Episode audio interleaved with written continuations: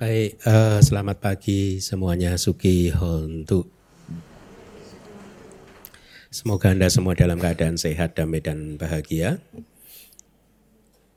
Uh, kita bertemu lagi di kelas Pariyati Sasana, also known as apa? Kajian Kitab Suci. Ya, seperti yang pernah saya sampaikan, salah satu komponen sebagai umat beragama ya harus paham Kitab Suci Cina kadang saya berpikir agama Buddha ini paling paling bebas. nggak paham kitab suci nggak apa-apa. Karena dharma ada di mana-mana katanya. Tetapi ternyata apa? Tentu saja pendapat seperti itu tidak benar. Ya, sambil menunggu yang lain ya, kembali lagi eh, malah pagi hari ini kita akan eh, mempelajari suta yang baru ya, suta bahia suta atau khotbah tentang bahaya. Bahaya itu nama orang. Suta ini menurut saya ya uh, setidaknya yang uh, dulu waktu awal-awal pulang ke Indonesia waktu saya masih mencoba untuk mengetahui bagaimana ajaran Buddha ini berkembang di Indonesia saya sering menemukan uh, pembabar ataupun guru menguraikan meditasi dengan berdasarkan suta ini suta bahaya Bahya Suta yang menurut saya sebagian besar atau kalau tidak boleh mengatakan semuanya itu menyampaikannya secara tidak akurat dan secara bebas dicomot begitu saja sesuai dengan interpretasinya ya. Sehingga sering kali kalau beliau ini adalah seorang guru dhamma tentu saja yang mendengarkan atau muridnya pun jadi mendapatkan petunjuk yang ke keliru karena seperti yang nanti mudah-mudahan kelas ini bisa berjalan tiga kali kelas ya e, tiga kelas. Nanti kalau anda selesai tiga kelas anda akan mulai mengerti betapa memang bahaya suta itu tidak kalau kita sekali lagi kalau kita mempelajari sesuai dengan kitab komentarnya ya tidak seperti yang sering kali mungkin anda sudah dengar ya yang disampaikan oleh guru-guru yang lain. Ya, saya memahami hal itu karena memang penjelasan yang akurat yang ada di dalam kitab komentar memang sampai hari ini sering kali tidak terakses. Tidak bisa diakses, artinya tidak bisa dibaca oleh banyak mungkin uh, kita umat kita di Indonesia gitu. Dan inilah mengapa juga salah satu alasannya yang saya sering berpikir membuat agama kita ini lemah sebenarnya. Ya. Karena di saat agama-agama lain uh, pembelajaran kitab sucinya itu sangat kuat, di kita ini kan lemah, bebas kan? Ya toh? Saya yakin Anda di sini juga sebagian besar juga dari kecil nggak belajar kitab suci dengan benar.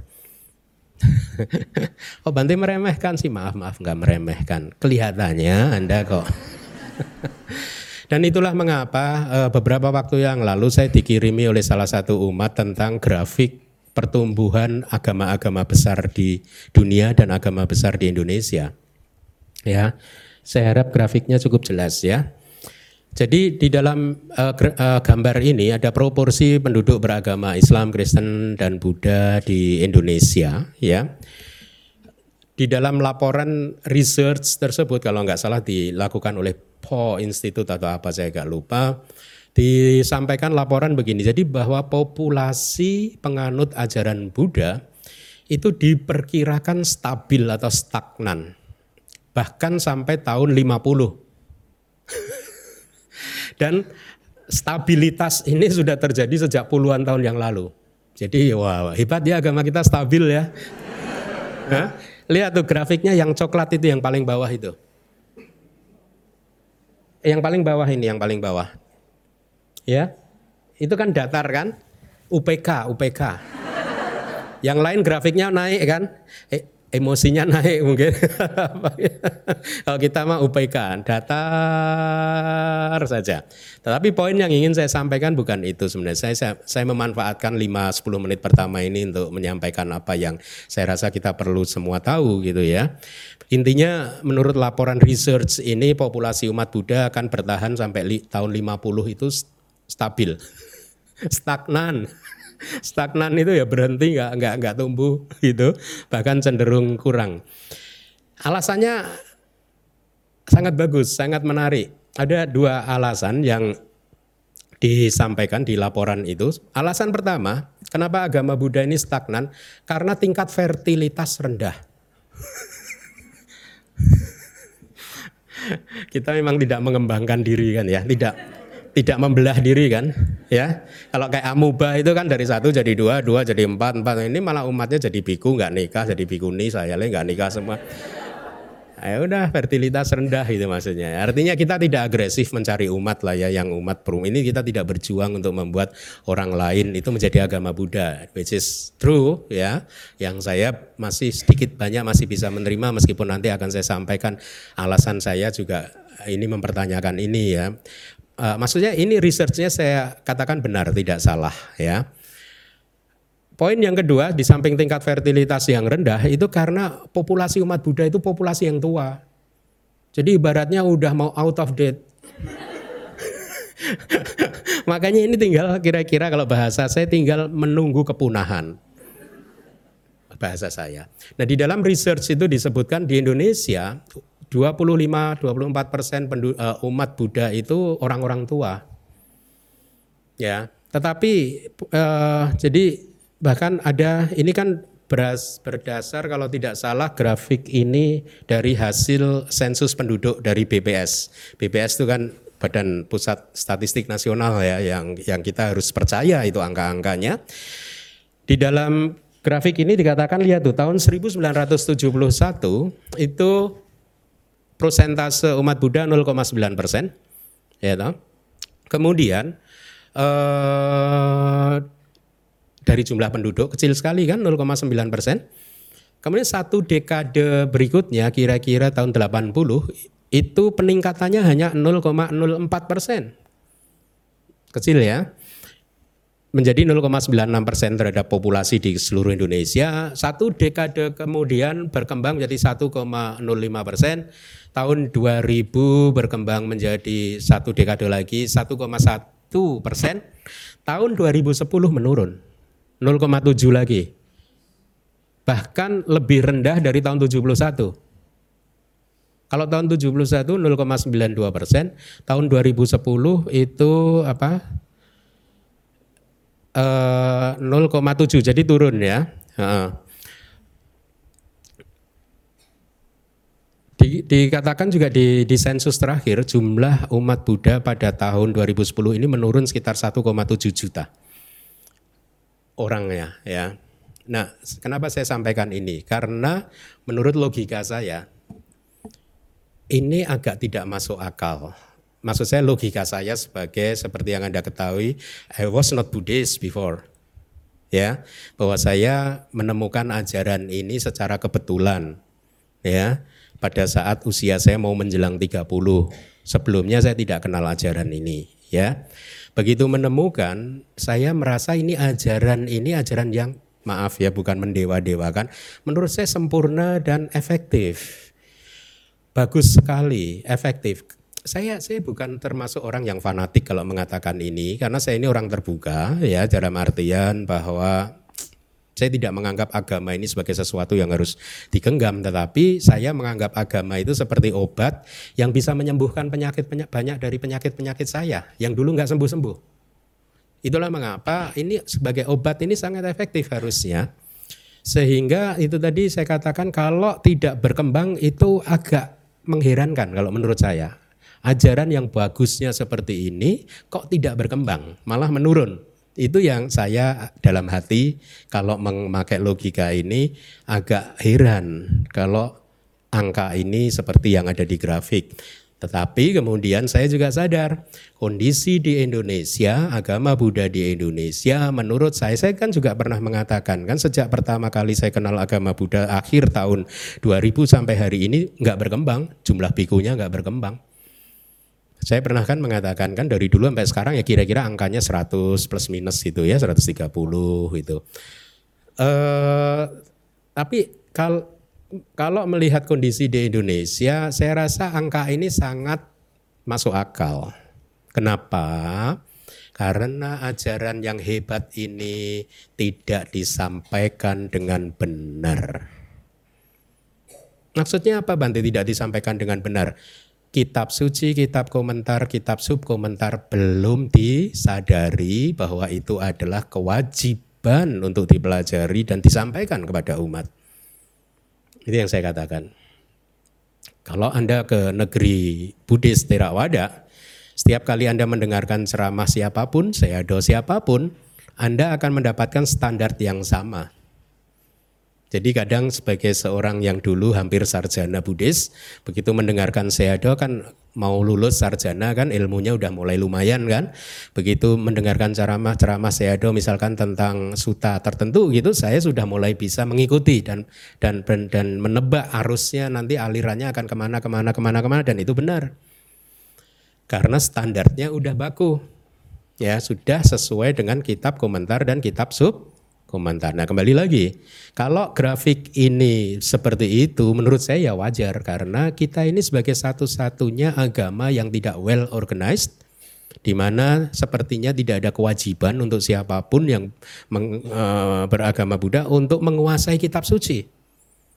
Nah, yang murid-murid saya aja saya suruh belajar Pali aja a e u a e u.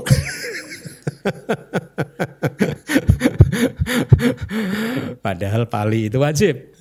Kalau nggak paham Pali ya grafik ini ya tadi fertilitas menurun semakin menurun. itu maksud saya ya. Jadi wajar saja. Akhirnya kesimpulannya kalau grafik ini seperti ini ya wajar saja. Wajar karena memang agama Buddha belum diajarkan secara benar masing-masing beropini. Makanya banyak perdebatan kan di luar sana kan? Ya enggak? Kalau di DBS enggak ada perdebatan. Karena setiap kali mau berdebat langsung merujuk kitab komentar. Kalau di sana enggak, kitab komentarnya ada di otaknya masing-masing itu ada di hatinya masing-masing sehingga banyak perbedaan kitab komentar dan itulah yang membuat mereka berde Nah itu tidak baik, tidak tidak juga membuat kita berkembang di dalam ajaran eh, berkembang tingkat spiritualitas kita. Nah oleh karena itu seharusnya solusinya menurut saya ya bisa saja ini solusi yang sepihak dari saya ya subjektif. Ya, tapi menurut saya pembelajaran kitab Tipitaka, komentar dan subkomentar harus digalakkan. Ya, karena dari sana kita mendapat petunjuk yang benar tentang ajaran Buddha. Dari sana akhirnya ajaran ini bisa menginspirasi orang banyak. Betul tidak? Kalau tidak disampaikan dengan benar, mana bisa menginspirasi orang? Ada nggak yang di sini yang pernah menyampaikan ke saya? Dulu itu saya ya Bante, kalau suami saya ke wihara turun, saya milih tinggal di mobil Bante. Umat Buddha nggak mau turun untuk mengikuti suaminya ke wihara gitu, karena menurut dia ya gitu kayaknya lebih enak di mobil. Oke, itu PR kita bersama ya. Mari kita sekarang masuk ke materi. Uh, saya minta PIC untuk membaca sutanya terlebih dahulu. Ya. Saya telah mendengar demikian pada suatu waktu Begawan berada di Sawati, di Jayatawana, di Taman Ana Tapidika, pada waktu itu Bahia Daruci Ria tinggal di Suparaka di pantai sebuah samudera. Jadi ada seorang laki-laki bernama Bahia. Daru Ciria itu julukan, semacam julukan nanti kita akan jelaskan. Dia dimuliakan, dijunjung tinggi, diagungkan, dilayani dan dihormati. Dia banyak menerima jubah, makanan derma, tempat tinggal, perlengkapan yang berisikan obat-obatan sebagai penunjang untuk orang yang sakit. Kemudian Bahia Daruciria pergi ke tempat yang sepi dalam pengasingan pikiran yang demikian muncul di dalam hati Bahia Daruciria. Sekarang siapa pun para arahat atau mereka yang telah mencapai jalan arahata, saya adalah satu di antara mereka. Kemudian satu dewata yang merupakan saudara-saudara di masa lalu yang welas asih dan berhati baik mengetahui apa yang ada di pikiran Bahia Daru Ciria menghampirinya. Setelah mendekat, dia berkata demikian pada Bahia Daru Ciria, Bahia, kamu bukan arahat atau juga bukan seseorang yang telah mencapai jalan arahata. Kamu bahkan tanpa praktik tersebut yang oleh karenanya kamu bisa menjadi arahat atau mencapai jalan arahata. Stop dulu. Jadi sampai di sini bahaya ini tadinya uh, salah memahami dirinya sendiri kan. Dia menganggap dia adalah seorang arahat dan dia mempertahankan posisinya seperti itu sampai kemudian ada satu dewata yang mengingatkan dia bahwa dia bukan arahat. Lalu sekarang siapakah mereka di dunia ini bersama para dewanya yang disebut sebagai arahat atau yang telah mencapai jalan arahata? Bahia, ada satu kota di wilayah utara yang bernama Sawati. Di, di sana dia begawan seorang arahat dan sama sang Buddha berada saat ini. Bahia, dia sungguh seorang begawan dan juga arahat yang mengajarkan dhamma untuk kearahatan. Kemudian, Bahia Daruciria tergerak oleh dewata tersebut, pergi meninggalkan Suparaka saat itu juga. Di sepanjang satu malam, dia menuju ke Sawati di Jayatawana Wihara Anatapidika. Pada waktu itu, banyak biku sedang berjalan-jalan di tempat terbuka. Kemudian, Bahia Daruciria mendekat ke arah biku-biku tersebut. Setelah dekat, dia berkata demikian kepada para biku. Bante, di manakah begawan, arahat dan sama sang Buddha? Berada sekarang, kami ingin melihat begawan, arahat dan sama sang Buddha tersebut.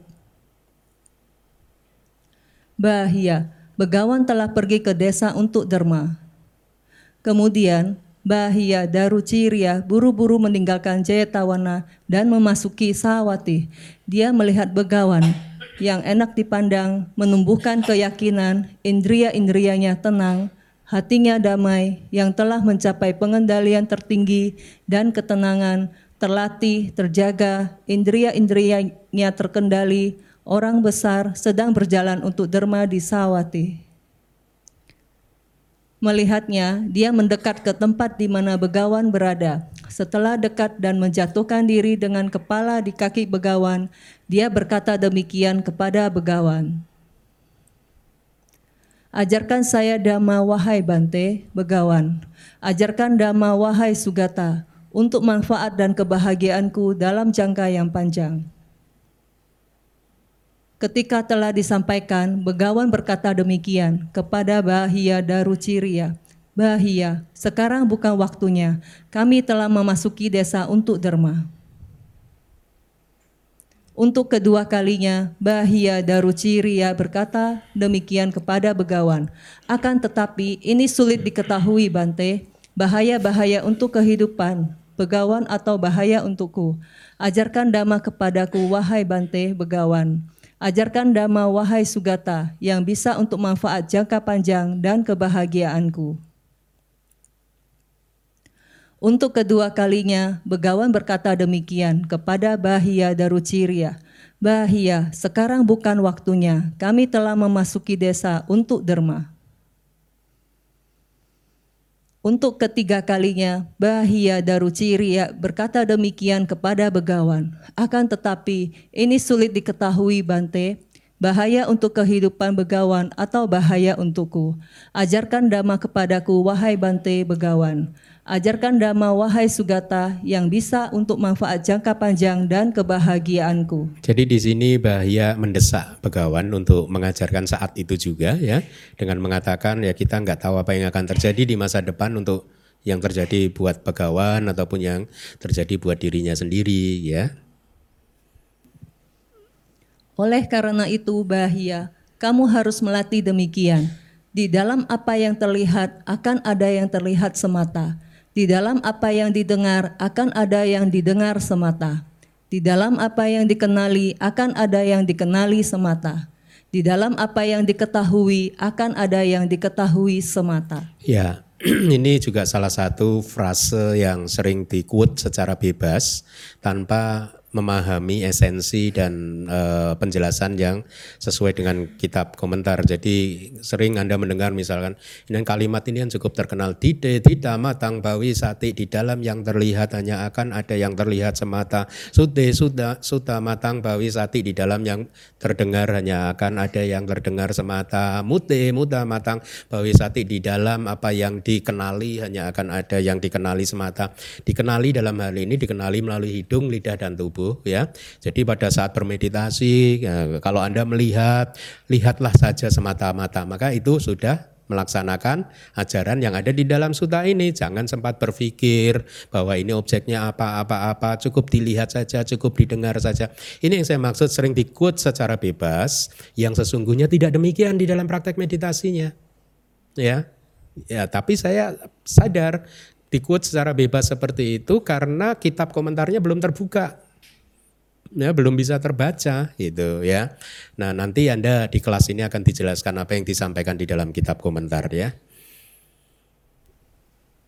Bahia, kamu harus melatih demikian dengan sungguh-sungguh. Bahia, ketika untukmu di dalam apa yang terlihat hanya ada yang terlihat semata, di dalam apa yang diketahui hanya ada yang diketahui semata.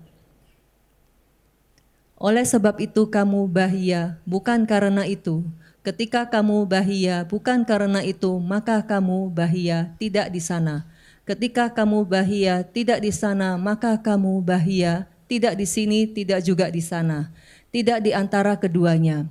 Hanya inilah akhir dari duka. Iya, eh, bagian ini pun juga sering dikut secara bebas dan diartikan secara keliru. Ya sekali lagi, ya memang akhirnya begitu kalau Anda sekarang membaca apa yang ada di slide itu, ini tanpa bantuan kitab komentar apa yang Anda pahami dengan kalimat itu. Padahal ini kalimat bagus sekali loh artinya. Ya, kalimat ini dalam sekali, bagus sekali. Ya. Tapi karena masih tertulis di dalam kitab komentar, makanya mungkin sampai hari ini karena di Indonesia belum terbuka kan ini kan. Melalui pembabaran damai yang singkat dari begawan ini, seketika batin Bahia Daruciria telah terbebaskan dari noda-noda batin melalui tiadanya genggaman. Ini juga, jadi dengan di quote ini, pokoknya kalau melihat hanya melihat, mendengar hanya mendengar, jadi arahat. Tapi prosesnya nggak seperti itu. Kitab komentar menjelaskan sangat lengkap. Ya, makanya ini tadi grafik kita UPK tadi, ya nggak? Nggak banyak, nggak banyak yang terinspirasi kan? Iya enggak? Ah. Kemudian setelah menasihati Bahia Daruciria dengan nasihat singkat ini Begawan pergi. Lalu tidak lama setelah kepergian Begawan, seekor lembu yang masih muda menyerang dan mencabut nyawa Bahia Daruciria. Bagian ini sering dikut bahwa umat tidak bisa jadi arahat untuk bertahan lebih dari satu hari. Ya, pokok kalau umat Anda jadi arahat maka hari itu juga Anda harus memakai jubah. Dalam kasus bahaya ya, kan contohnya ini gitu kira-kira. Ya, dia akhirnya meninggal dengan cara seperti ini gitu. Padahal padahal kitab komentarnya nggak begitu. ya, oke okay, ya. Kemudian Begawan pergi untuk mencari makanan derma di Sawati. Setelah makan, ketika sedang dalam perjalanan pulang dari Pindapata dan meninggalkan kota bersama dengan banyak biku, beliau melihat Bahia Daruciria meninggal dunia. Sambil memandangi mayat, beliau memanggil para biku, "Wahai para biku, ambillah tubuh Bahia Daruciria, bawa dan naikkan ke dipan, kemudian bakarlah dan buatkan sebuah pagoda untuknya. Wahai para biku, seorang teman biku kamu telah meninggal dunia. Iya, dibuatkan pagoda karena beliau adalah seorang arahat. Baik Bante, biku-biku tersebut menjawab begawan. Kemudian setelah membawa serta menaikkan jasad Bahia Daruciria ke dipan dan membuatkan sebuah pagoda untuknya, mereka menghampiri begawan. Setelah dekat, memberi hormat kepada begawan dan duduk di satu sisi. Ketika telah duduk di satu sisi, biku-biku tersebut berkata demikian kepada begawan. Bante, jasad Bahia Daru Ciria telah dibakar dan sebuah pagoda telah dibuat untuk dia. Ke manakah tujuan dia? Di manakah kelahiran kembali dia? Para biku, Bahia Daruciria adalah seorang yang bijaksana. Dia telah ber, Dia berlatih sesuai dengan dhamma, dan dia tidak menyulitkan aku dalam hal yang berhubungan dengan dhamma. Wahai para biku, bahia daruciria sudah padam total. Sudah parinibbana artinya ya. Kemudian, setelah menyadari makna dari hal tersebut, Begawan pada waktu itu mengungkapkan ungkapan yang berikut ini. Di mana air, tanah, api, dan angin tidak memiliki pijakan, di sana bintang-bintang tidak bersinar, matahari tidak tampak, di sana rembulan tidak muncul, di sana kegelapan tidak dikenal. Ketika seorang suci, seorang Brahmana telah memahami melalui kebijaksanaan untuk dirinya sendiri, kemudian dia terbebaskan dari suka dan duka, dari materi dan non-materi. Ya, terima kasih. Selesai, saya rasa. Ya, itu sutanya. Kalau Anda tidak paham kitab komentar, membaca sutanya Anda terinspirasi tidak? Kurang ya, makanya grafiknya UPK, tenang, seimbang, stabil. Padahal kitab komentarnya menarik, makanya saya putuskan untuk menerjemahkannya karena ini eh, harapan saya semoga bisa membawa manfaat ke banyak orang. Ya, mari kita lihat kitab komentarnya. di dalam suta yang ke-10 artinya suta ini di Kudaka Nikaya ya tadi ya adalah menempati suta yang ke-10 di warga warga apa ya tadi ya. Saya agak lupa Disebutkan bahwa nama dia adalah bahaya atau bahaya itu adalah nama dia. Kemudian daruk ciria itu artinya busana yang terbuat dari kulit kayu ya. Itu makanya tadi saya katakan bahwa daruk ciria adalah julukannya ya. Nah, tadi juga saya katakan suta ini sering dikuat begitu saja sehingga diajarkan kepada Anda bahwa kalau bermeditasi melihat hanya melihat, mendengar hanya mendengar, selesai tidak ada tambahan nilai tambah dari apa uh, dari uh, suta ini yang disampaikan dengan benar ya. Maksudnya anda diharapkan bisa menjadi seperti Bahya Daruciria yang ketika hanya melihat hanya ada yang melihat mendengar hanya ada yang mendengar Anda jadi arahat.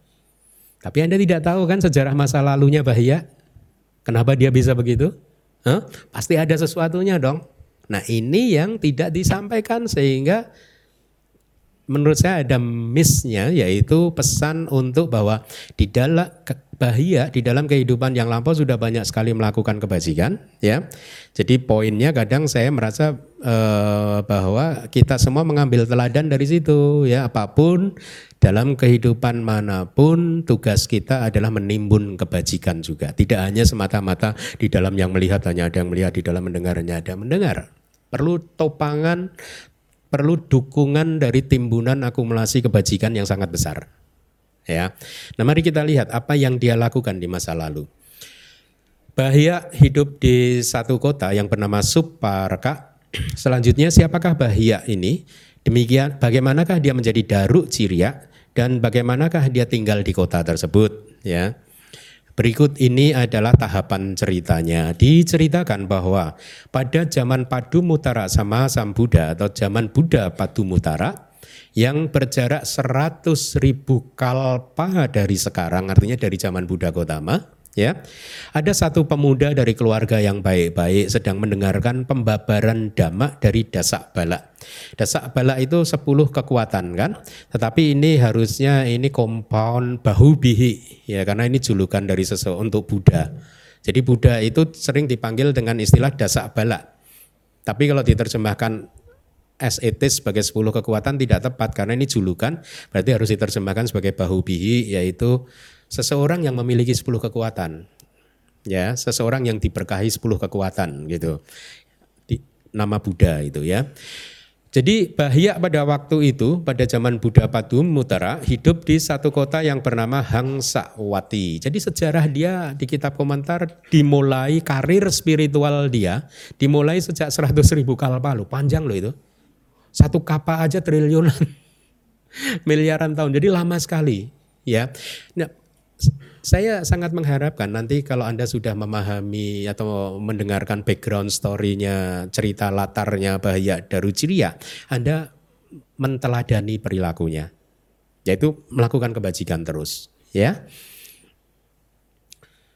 Kemudian setelah dia melihat satu biku pada waktu itu biku ini sedang dikukuhkan oleh Buddha Padumutara sebagai murid Etadaga yang terunggul dalam hal kipa abinya ya yaitu abinya itu kayak kesaktian atau pengetahuan yang lebih tinggi, kesaktian kayak kalau di zaman Buddha Gotama yang paling hebat abinyanya itu adalah yang Arya Mahamogalana ya. Nah, pada waktu itu Buddha Padumutara sedang menetapkan salah satu muridnya sebagai murid Etadaga yang terunggul di dalam hal kesaktian. Karena dia bisa mencapai kesaktian dalam waktu yang sangat cepat. Kipa abinya gitu ya. Nah dia melihat itu pada saat dikukuhkan dia melihat dan mendengar Buddha sedang menetapkan si salah satu biku ini sebagai etadaga ya. Kemudian setelah melihat dan mendengar dia beraspirasi di tempat tersebut juga ini yang penting. Mulai di sini ceritanya menjadi penting. Kenapa bahaya jadi arahat hanya dengan tide tita matang bawisati sute suta matang bawisati mute muta matang bawisati. Ya. Mendengar begitu dia bertekad Sungguh hebat sekali biku tersebut yang telah dikukuhkan sebagai murid yang terunggul seperti itu oleh guru Padumutara Buddha. Ya, aha, saya juga sungguh ingin menjadi seperti biku tersebut. Itu tekadnya bahaya. Dia ingin jadi murid yang mencapai tingkat kesucian arahat dan menjadi murid terunggul dalam hal kipa abinya ya seperti dia. Gitu. Dia beraspirasi ingin menjadi seperti biku tersebut. Setelah meninggalkan keduniawian di dalam sasana seorang sama Sam Buddha yang seperti itu di masa depan. Itu aspirasi dia. Dia ingin jadi seperti itu gitu ya. Ini aspirasi 100 ribu kalpa yang lalu. Buahnya baru 100 ribu kalpa kemu. Nah, Anda juga boleh beraspirasi, tapi jangan berhenti pada aspirasi saja. Ikuti terus ceritanya Bahia. Karena setelah beraspirasi, Bahia melakukan kama-kama baik untuk aspirasi yang sesuai dengan harapan dia tersebut. Jadi Anda juga begitu harus melakukan karma baik supaya aspirasi baik Anda itu mendapat topangan yang sangat kuat. Kalau habis beraspirasi makan tidur. Makan tidur ya nggak dapet lah. Siapa pun pengen kayak dulu saya bilang kan muda foya foya tua kaya raya mati masuk surga. Enak sekali kan ya. Jadi harus melakukan kebajikan ya. Setelah meninggal di kehidupannya saat itu bahaya lahir di surga ya dia berpindah-pindah di antara bumi manusia dan bumi para dewa ya. Lahir sebagai dewa meninggal lahir lagi sebagai dewa mungkin lahir lagi sebagai dewa terus kemudian lahir sebagai manusia naik lagi ke dewa. Hanya hanya dua alam ini aja. Manusia dewa manusia dewa manusia dewa ya. Di sepanjang waktu apa? Di uh, uh, dia meninggal Uh, belum. Berarti dia lahir di manusia dan dewa, kemudian dia meninggalkan keduniawian di sasana Buddha Kasapa. Jadi ada Buddha yang kedua ini ya. Tadi Padumutara Buddha, ini Buddha Kasapa. Pada waktu Buddha Kasapa muncul dia jadi biku. Karirnya udah panjang ya. Dia jadi biku. Anda?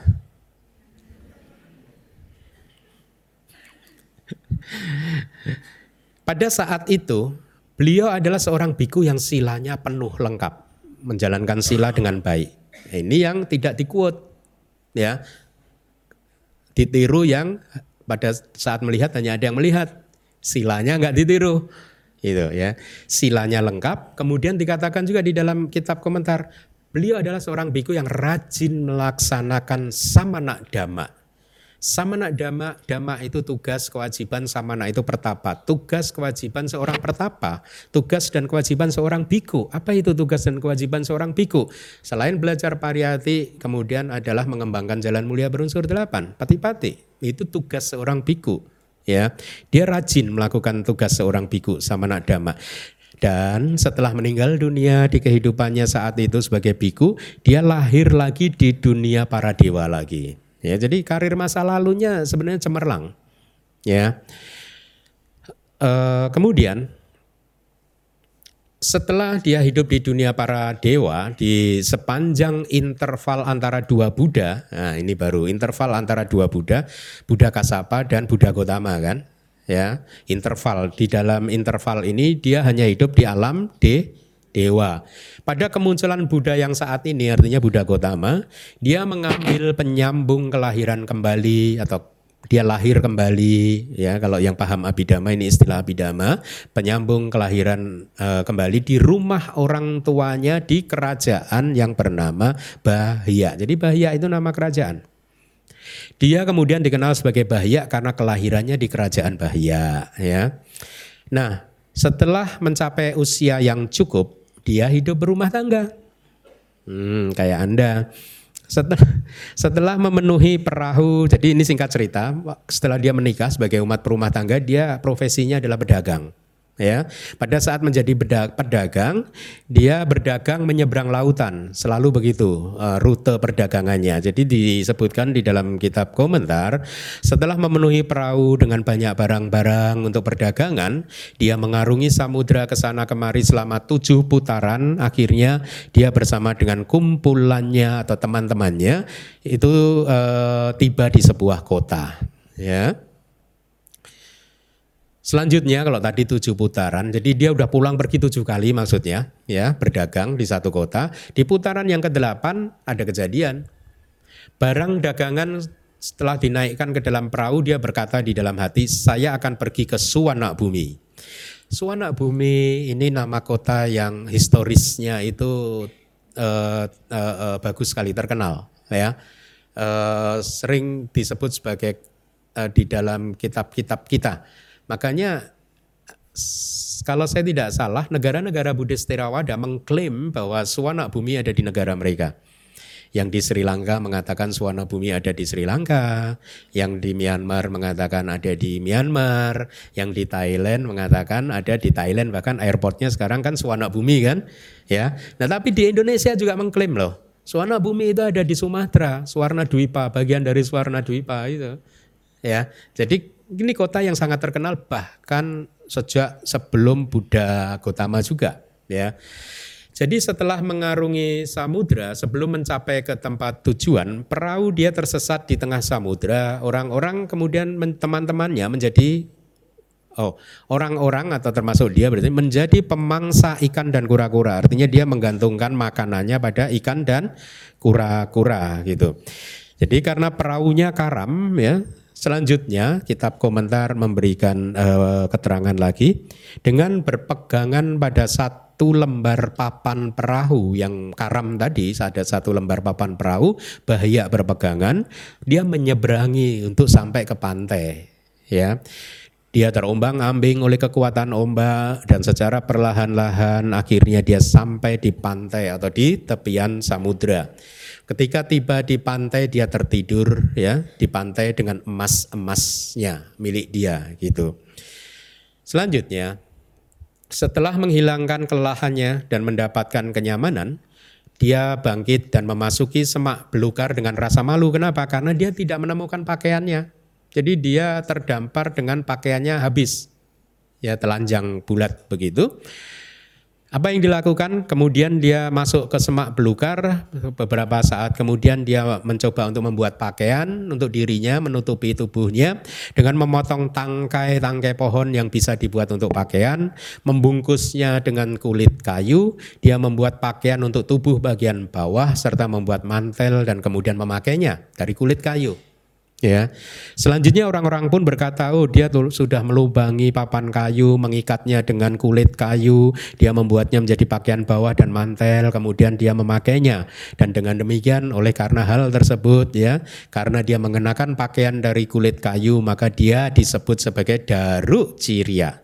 Nama depannya adalah Bahia.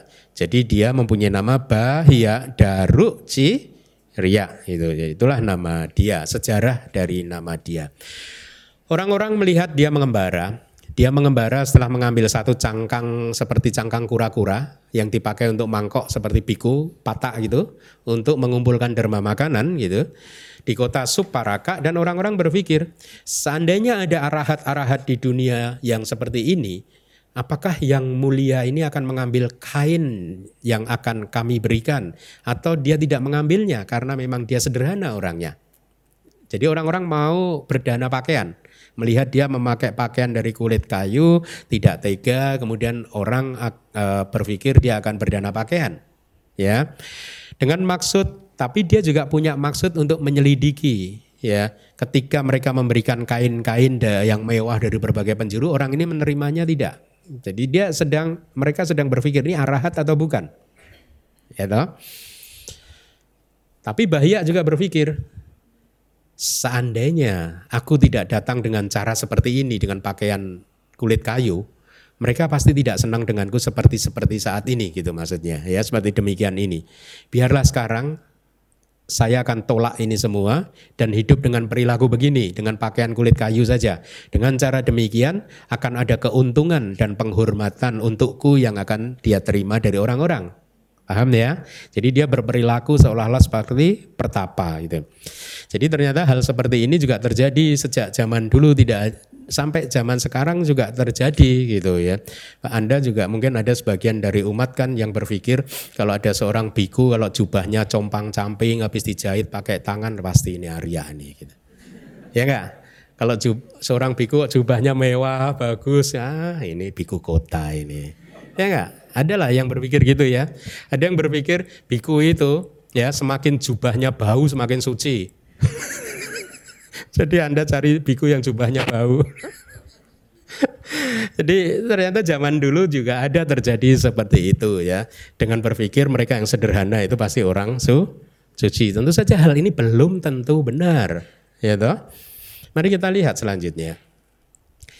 Dengan berpikir demikian, dia kukuh teguh dalam kemunafikan dan tidak menerima kain-kain dari orang-orang tadi persembahan. Karena dia niatnya juga sudah buruk. Biarlah saya begini aja biar dikira orang suci ya.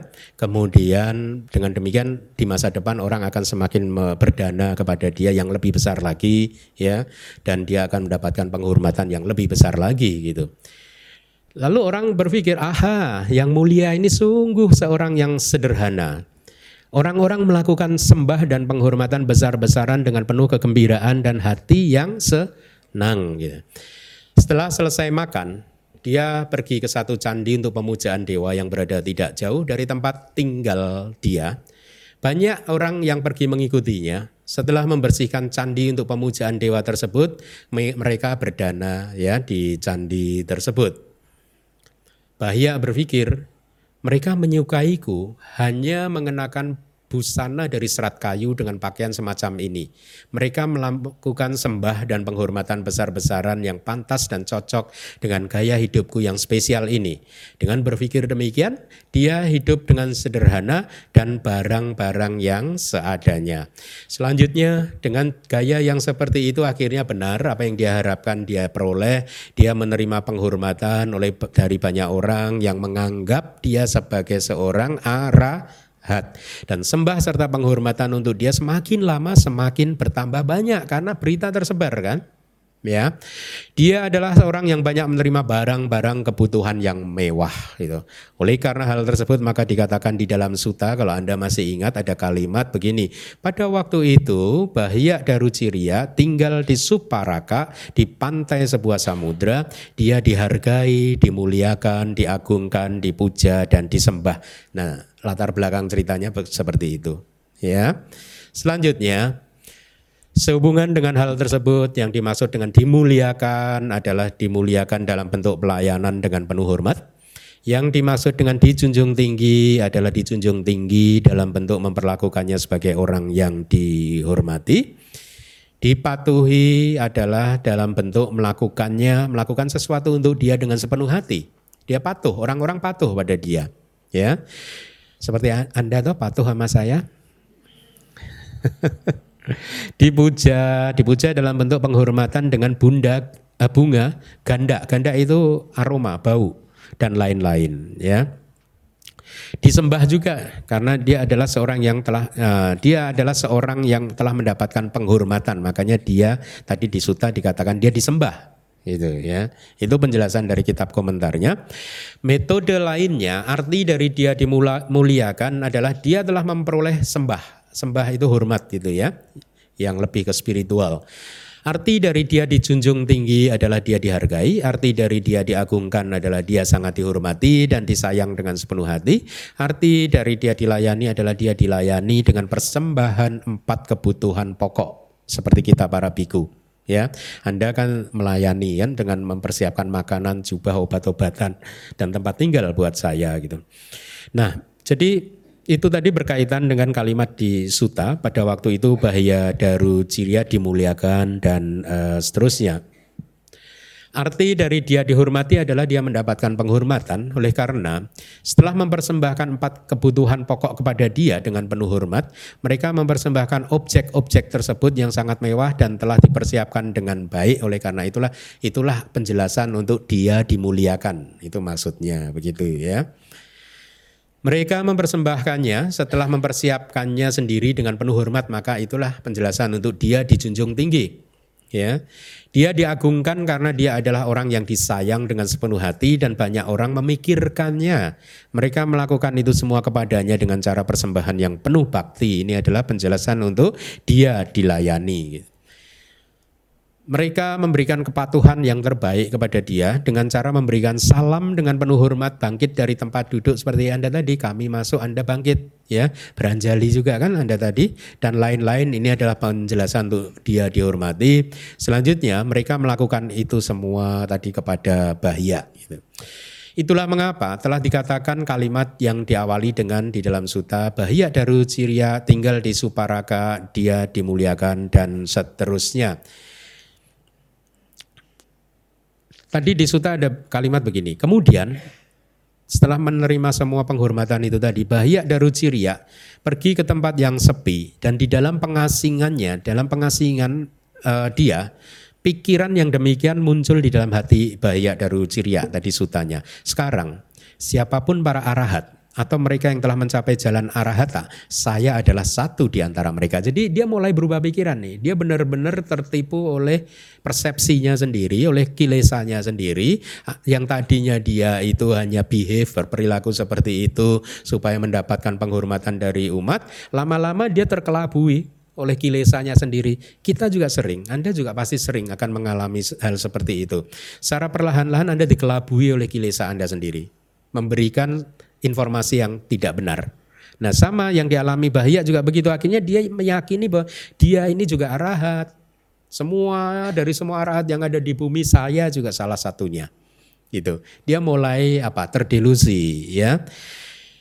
Kitab komentar menjelaskan dalam pengasingan artinya dia yang dianggap sebagai seorang arahat oleh banyak manusia yang berkumpul. Itu penjelasannya. Sekarang disebabkan oleh anggapan tersebut pikiran salah muncul di hatinya demikian. Sekarang siapa pun para arahat atau mereka yang telah mencapai jalan arahata saya adalah salah satu di antara mereka. Artinya arahat-arahat yang ada di dunia para makhluk ini satak loka karena telah membunuh musuh-musuhnya yang dinamakan kilesa adalah orang yang pantas menerima persembahan, penghormatan dan lain-lain. Ini definisi arahat. Arti dari arahat adalah satu, orang yang sudah membunuh musuh-musuhnya yaitu kilesanya sendiri. Dua, orang yang pantas menerima persembahan.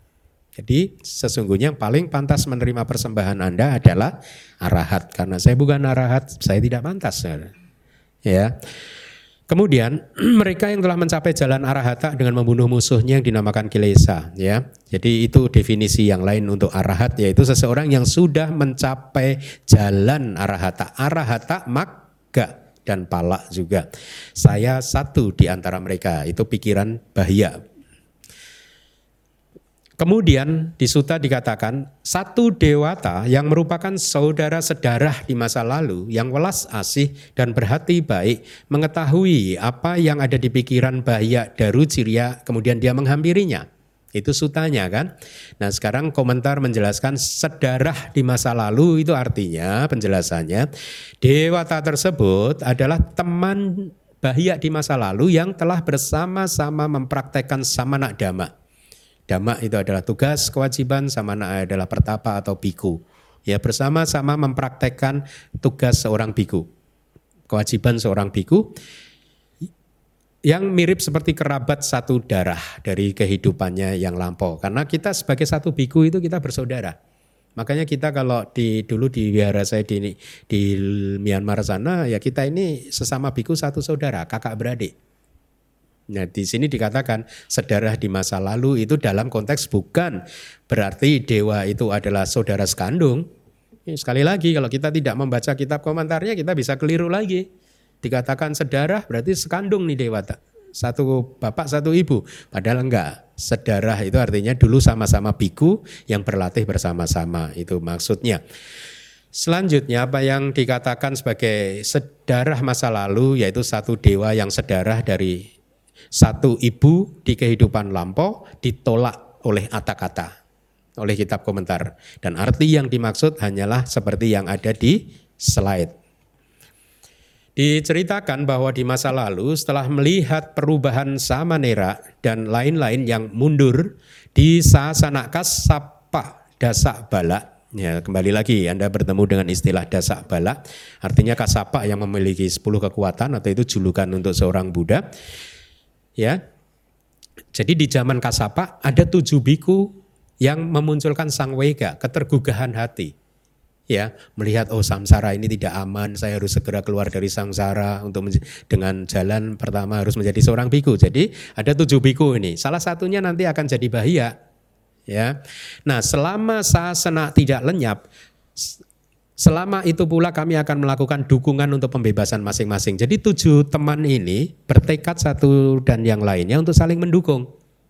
Ya, saling mendukung untuk mencapai tingkat kesucian ke A rahatan itu, ya. Jadi mereka berkata bahkan kami harus berpaling dari pelekatan di kehidupan ini ya harus meninggalkan kehidupan ini maksudnya apa pun yang terjadi kami ingin naik gunung menjadi seorang pertapa gitu setelah berkata demikian setelah membuat tangga mereka semua naik ke sebuah gunung kemudian setelah sampai di puncak gunung tangganya dibuang supaya nggak bisa turun gitu dan di sanalah dia mempraktekkan damak-damak pertapa atau tugas dan kewajiban seorang pertapa. Nah tujuh biku tersebut bertekad untuk saling mendukung ya. Jadi inilah mengapa di belakang nanti ada satu dewa tadi, dewata tadi memberitahu dia. Ini sebenarnya adalah salah satu dari tujuh tadi ya. Eh, dewa Dewa Brahma gitu. Di antara mereka dari tujuh biku tadi, salah satu biku yang bernama Sangga Tera mencapai arahata, tingkat kesucian ke arahatan hanya dengan melewati satu malam saja, cepat ya. Kemudian keesokan harinya beliau berpindah patah dari utara Kuru, setelah pulang dari utara Kuru, dia berkata kepada teman-teman bikunya, enam biku yang lain, begini, teman, sejak sekarang makanlah hasil derma, makan dari hasil pindah patah, ya. Tapi mereka tidak berharap untuk makan dari hasil pindah patah Bante Sanggatera tadi dan berkata, wahai Bante, kamu jangan melakukan demikian dengan tenaga sendiri. Kami pun menjadi spesial, kami pun ingin menjadi spesial seperti kamu. Kami hanya akan makan setelah membawa makanan sendiri. Jadi mereka menolak, di, mereka bertekad akan berpindah patah sendiri. Kemudian di hari yang kedua, Tera atau ya teman yang kedua, Tera yang kedua mencapai buah anagami jadi menjadi seorang anagami, ya. E, sama dengan cerita tadi, mereka pun menolak dengan cara yang sama hasil pindah patah dari biku yang anagami ini tadi, ya, karena apa ya, untuk kesantunan begitu ya, etiket gitu ya. Di antara mereka, jadi dari tujuh tadi, salah satu telah menjadi seorang arahat, yang kedua e, mencapai parinibbana di kehidupan saat itu juga kan pasti kan, nggak bisa lahir lagi kan di kehidupan itu yang arahat parinibbana. Kemudian yang anagami lahir di mana? Lahir di alam sudah wasa atau bumi sudah wasa itu anagami itu lahirnya ke sana, ya. Tinggal lima kan? Lima orang yang lainnya dia berjuang, berusaha untuk menghasilkan kualitas spesial hingga seumur hidupnya hingga kematiannya gitu, ya. Mereka tidak mampu mencapai pencapaian apa pun, mereka mengering di tempat itu juga, artinya meninggal ya, dan lahir di dunia para dewa. Setelah lahir berulang-ulang hanya di antara para dewa selama satu antara Buddha, jadi dari Buddha Kasapa dan Buddha Gotama, ya. Ternyata mereka ya semua lahir di alam dewa. Mereka meninggal dari dunia para dewa di kemunculan Buddha ini, Buddha Gotama, dan lahir di rumah perumah tangga. Jadi lima-limanya lahir di zaman Buddha Gotama ya. Jadi kembali lagi ada tujuh, yang satu menjadi arahat, yang satu di alam sudah wasa, yang lima sudah lahir jadi manusia. Bisa jadi kita juga begitu loh di masa lalu. Katakanlah kita punya teman tujuh, yang tujuhnya udah parinibbana, kitanya di sini. kita kita terdampar terus di sini nggak tahu kapan ya sedih ya. Pedih. Kenapa? Mari kita lanjutkan. Di antara mereka, dari lima tadi yang lahir jadi manusia, satu orang menjadi raja. Pokok sati ini karena kebajikannya, dia jadi raja. Satu menjadi kumara kasapa, ini murid Buddha juga ini. Satu menjadi dabu malak buta juga, ini terkenal juga. Satu menjadi seorang pengembara yang bernama Sabia, dan satu menjadi Bahya Daru Ciria. Jadi inilah kelima sahabat ini ya, yang masih berjuang. Sehubungan dengan hal tersebut, satu orang yang anagami yang lahir di Sudawasa di dunia para Brahma adalah yang dikatakan dalam kaitan di Suta satu dewata yang merupakan saudara-saudara di masa lalu yang turun mengingatkan bahaya kan? Ya, eh bahaya kamu bukan arahat loh. Kira-kira tadi di Suta begitu kan? Itu adalah anagami ini sahabatnya di zaman Buddha Kasapa ya waktu sama-sama berjuang di puncak gunung yang tangganya di buang tadi ya. Nah, dikatakan di sini dikatakan dewata, istilah dewata itu tanpa menyebutkan jenis kelamin karena memang Brahma tidak mempunyai jenis kelamin walaupun maaf bentuknya seperti laki-laki sih. Tapi katanya nggak ada jenis kelamin. ya. setelah melihat pencapaian Brahma, jadi Brahma tadi, setelah dia mengingat-ingat kehidupan lampaunya, dia melihat uh, pencapaiannya di masa lalu, persis di kelahiran setelah kelahiran sebagai manusia saat itu ya. Setelah jadi Brahma dia mengarahkan perhatiannya kepada teman-temannya tadi ya. Untuk mencari di mana ini teman-teman saya gitu ya. Akhirnya uh, dia menemukan bahwa lima temannya sudah lahir lagi sebagai manusia ya. Sambil mengamati dia bertanya-tanya ini tadi yang saya ceritakan. Di manakah sekarang lima orang yang lainnya? Setelah mengetahui kelahiran mereka di dunia lingkup indria, artinya di alam manusia atau dewa, ini ya. Uh, setelah itu dari waktu ke waktu dia hanya mencermati perwujudan mereka dan berpikir apa yang mereka lakukan. Jadi sebenarnya dewa ini Brahma dewata ini Brahma ini sejak di sebelumnya juga sudah mengamati perilaku teman-temannya ini yang lahir di alam surga diamati. Dia melihat gitu kayak pakai ini aja nih. teman saya lagi begitu, lagi begitu gitu ya sampai waktu mereka sudah lahir sebagai manusia. Selanjutnya pada waktu itu ketika mengarahkan perhatiannya, sekarang mereka di mana? Dan setelah melihat bahaya yang hidup di dekat kota Subparaka yang menjalani kehidupannya seperti yang tadi sudah diceritakan dengan penuh kemunafikan yaitu mengenakan pakaian dari kulit atau serat kayu, dia teringat masa lalu orang ini.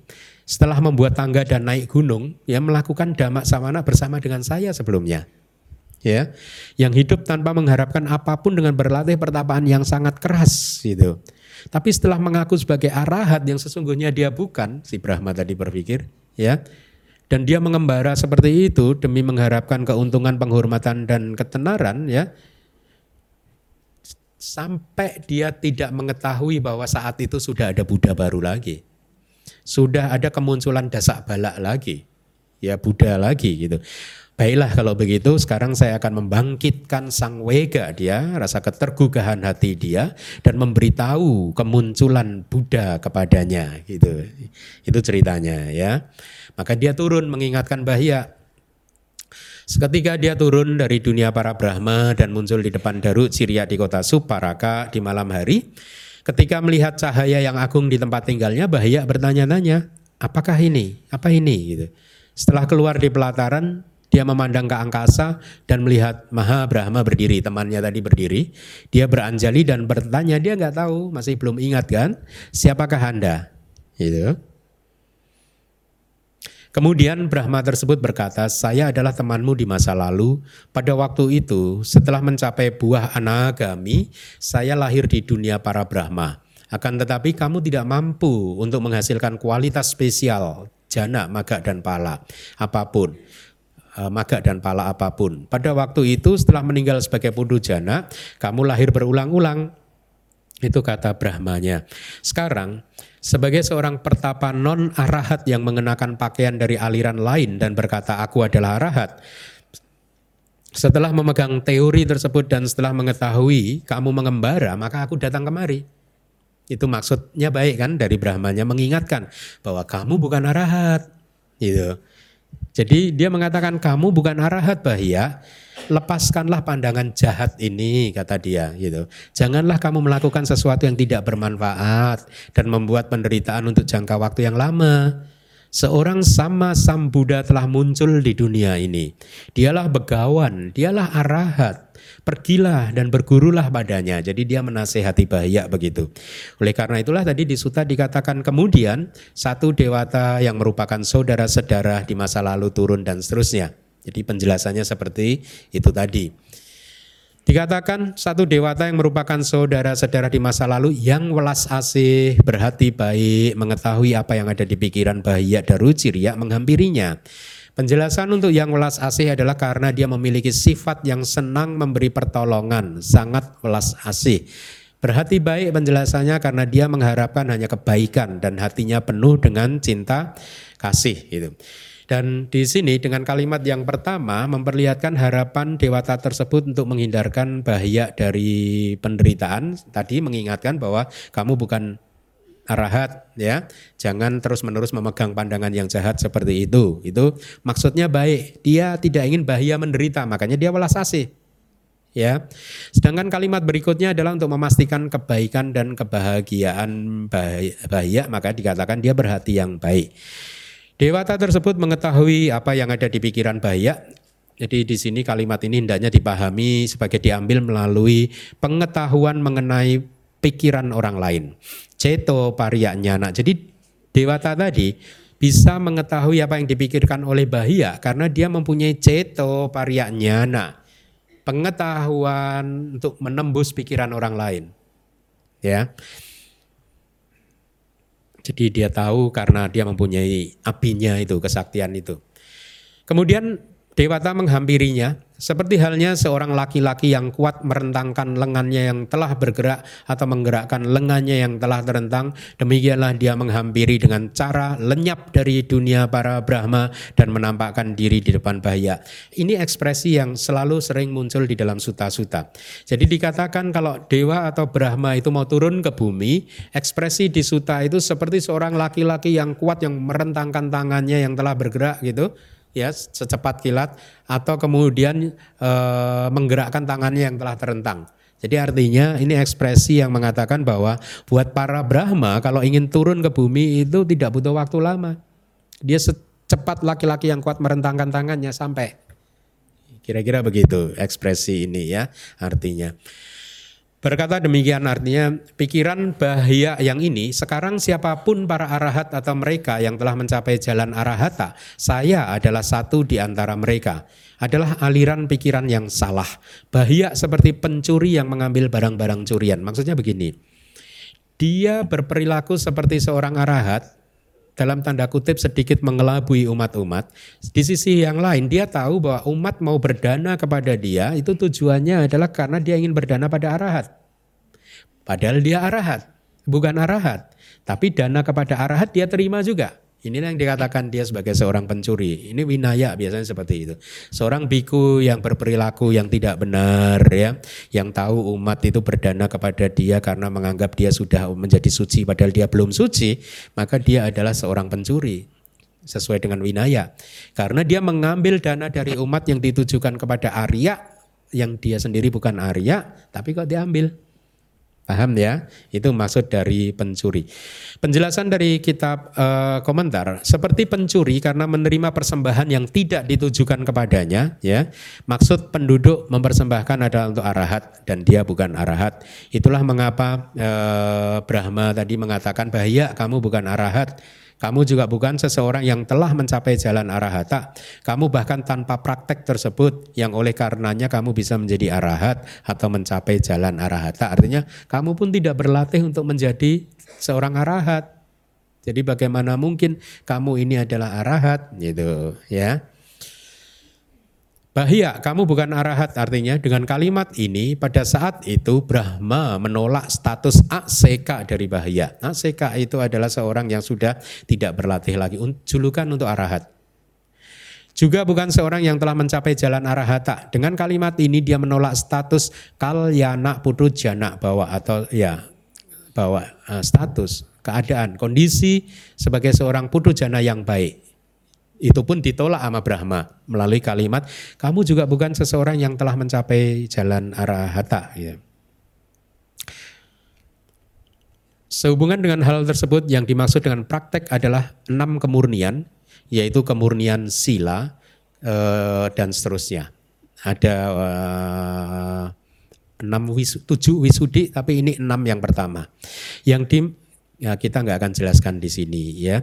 Yang dimaksud dengan praktek adalah seseorang menyusuri jalan Arya ini, melakukan praktek-praktek spiritual seperti yang diajarkan di dalam ajaran Buddha. Dan apakah yang menjadi sandaran kemunculan penilaian berlebihan tentang arahata dia tersebut? Beberapa orang mengatakan penilaian berlebihan tentang arahata muncul karena kesederhanaan dia. Kepuasan apa adanya, ya kejijikan dengan kilesa, aspirasi yang telah diucapkan sejak waktu yang lama, penghancuran kilesa-kilesa melalui penanggalan temporal, temporer itu melalui jana, penanggalan kilesa melalui jana, tempor, tem, uh, sementara waktu saja, temporer, atau melalui wipasana. Selanjutnya orang lain berkata, Bahia adalah orang yang telah memperoleh kuartet jana, menguasai empat jana, yaitu jana pertama, kedua, ketiga, dan keempat. Oleh karena itu penilaian berlebihan tentang arahata muncul dari sikapnya yang tidak menuruti kilesa melalui penanggalan dengan pelumpuhan. Ya, ini juga yang dimaksud penanggalan kilesa dengan ditekan oleh jana, wikambana gitu ya, dilumpuhkan untuk sementara waktu. Jadi keduanya itu pun hanyalah pikiran orang-orang saja dan yang disetujui oleh Atta-kata adalah Bahia mempunyai maksud untuk mendapatkan keuntungan sembah dan ketenaran. Itu dari kata kata. Jadi sengaja Bahia berperilaku seperti itu untuk mendapatkan laba sakara silo, siloka bahasa palinya. Ya, laba itu laba, keuntungan. Sakara itu penghormatan. Ya, kemudian siloka itu ketenaran. Ya. Oleh karena itu hanya makna yang telah disampaikan itulah yang harusnya kita pahami. Gitu.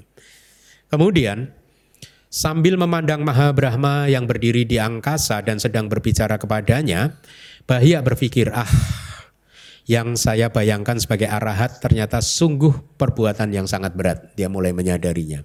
Dan makhluk ini berkata bahwa hal ini pun juga bukan jalan menuju arahata yang dia praktekkan itu.